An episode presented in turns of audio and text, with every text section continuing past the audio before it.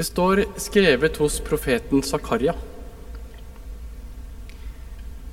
Den dagen skal det ikke være lys, bare kulde og frost. Det skal være én lang dag, Herren kjenner den, ikke dag og natt. Ved kveldstid skal det være lyst. Den dagen skal det renne levende vann ut fra Jerusalem halvparten til havet i øst og halvparten til havet i vest. Slik skal det være både sommer og vinter. Da skal Herren være konge over hele jorden. Den dagen skal Herren være én, og hans navn ett. Slik lyder Herrens ord. Når vi de siste dagene har sett hjertet hjerteskjærende nyhetsinnslag fra Gaza og Israel med død og tragedie, kjenner jeg at spørsmålet om Gud på nytt kommer opp til overflaten hos meg. Hvem er Gud, og hvor er Gud? Hele vår bibel er full av erfaringer og fortolkninger til disse spørsmålene. Og avhengig av hvor vi leter, får vi ulike svar. I dag er Zakaria prekentekst, og vi begynner her. For over 2500 år siden var Dareios den store konge i Perserriket. Eliten fra det jødiske folk hadde vært i babylonsk eksil og var ført tilbake til Juda. Profeten Zakaria var virksom på denne tiden. Visjoner om flyvende bokruller fargerike hester med ryttere som skulle ri over hele jorden. Efamålet, som blir løftet opp av to kvinner med vinger, er blant de spektakulære synene Zakaria byr på. I vår bibel er tolv små profeter gruppert sammen. De har et gjennomgående tema. De venter alle på Herrens dag. En fremtidig dommedag i nær eller fjern fremtid hvor godt blir skilt fra ondt. Herrens dag er både skremmende og håpefull. Zakaria skriver at det er en dag uten lys, bare kulde og mørke. På Herrens dag skal Gud føre krig mot folkeslagene som har gjort urett. Og det skal velle fram levende vann fra Jerusalem som gir fruktbarhet og liv.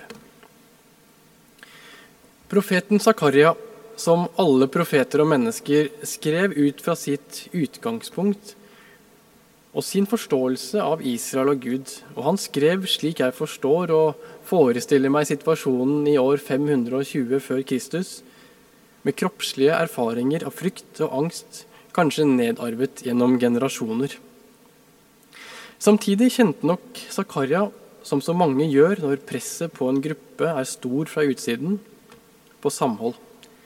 For konflikter og krig gjør gjerne at vi får et sterkt behov for å samle oss i solidaritet mot fienden.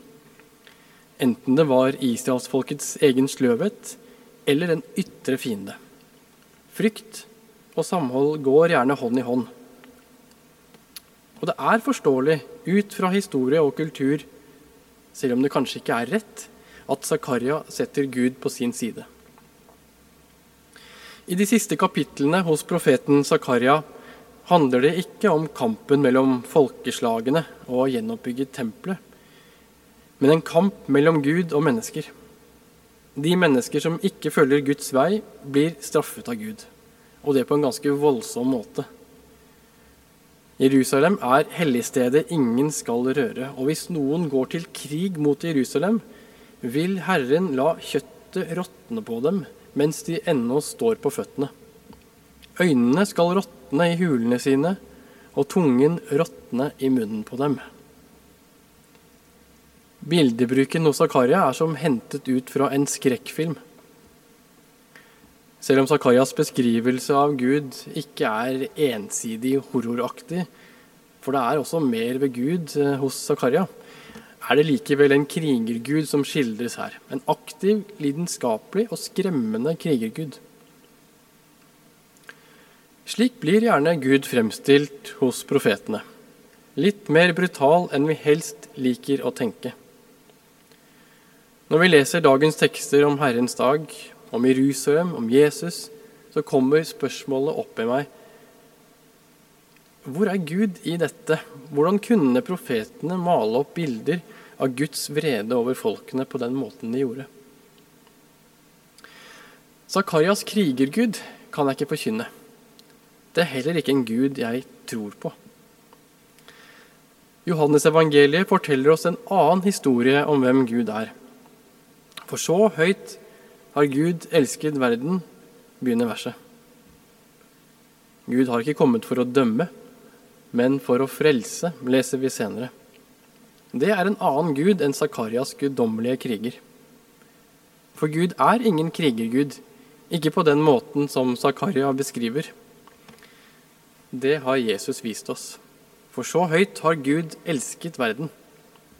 Han sendte sin sønn, ikke for å dømme, men for å frelse, for å redde. Som prest møter jeg mennesker med ulike gudsbilder. Noen lever med et bilde av at Gud er en streng dommer. Det mener jeg at evangelienes Jesus utfordrer. Her viser Gud seg som motstykke til en hevngjerrig Gud. Han viser seg som helbreder. Jesus er absolutt radikal og utfordrende overfor disiplene, og ikke minst fariseerne. Men det er Guds godhet som driver oss til omvendelse, kan Paulus fortelle oss. Min erfaring er at det er minst like mange som stiller seg spørsmålet om hvor Gud er i denne verden, som plages av bildet av krigerguden. Dessuten tror jeg mange strever med å skjønne hvorfor Gud, som herre over tid og rom, som skaper av universet, skulle bry seg med oss, vi som er små blaff i evigheten. Som kristen kan jeg ikke annet enn å peke på motstykket til ondskap og synd. Og om du ikke sliter med pollenallergi, er våren med sine farger og blomstring noe å glede seg over. Havet, sjøen, hvordan solen glitrer i bølgene.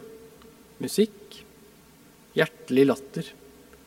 Hender som finner hverandre. Øyne som møtes. Selv om universet og evigheten er ufattelige størrelser, er det ikke universets dybde vi må konkurrere om for å få Guds oppmerksomhet. Vi må ikke ha levd et visst antall år eller hevdet oss i offentligheten for å bli lagt merke til av Gud. Nei, det er med oss som det er med musikk. Om jeg setter på et stykke, er det ikke antall satser eller hvor berømt det er, som avgjør om det betyr noe. Det som betyr noe, er om musikken eller mennesket er elsket. Det er det som gir det betydning. Det bisarre bildet hos Zakaria om forråtnelse er ikke siste ord i fortellingen om Gud og menneske. Det er et annet motiv som trekkes fram hos Zakaria og hos Johannes' åpenbaring. En visjon om et fremtidig Jerusalem, et sted hvor Guds herlighet lyser like sterkt som solen. Nå vet jeg ikke om visjonen om Jerusalem med det levende vannet som renner til øst og vest, er det som taler sterkest til deg. Men det er noe her som er verdt å ta vare på. Det er visjonen. Det å våge å se for seg en annerledes og bedre fremtid for hverandre. Så må visjonen leves ut i kjærlighet. Det er ikke lett. For det krever disiplin og oppmerksomhet overfor hverandre og ikke minst så krever det sjenerøsitet overfor mennesker som ikke fortjener det. Dessuten innebærer det mot til å ta på seg ansvar og si unnskyld når det trengs. Kanskje er det nettopp her Gud er. I godheten. I hender som finner hender, og øyne som møter øyne. Det er i troen på at Gud er med oss i dette, at jorden forvandles. Ære være Faderen og Sønnen og Den hellige ånd, som var, er og være skal, en sann Gud fra evighet og til evighet. Amen.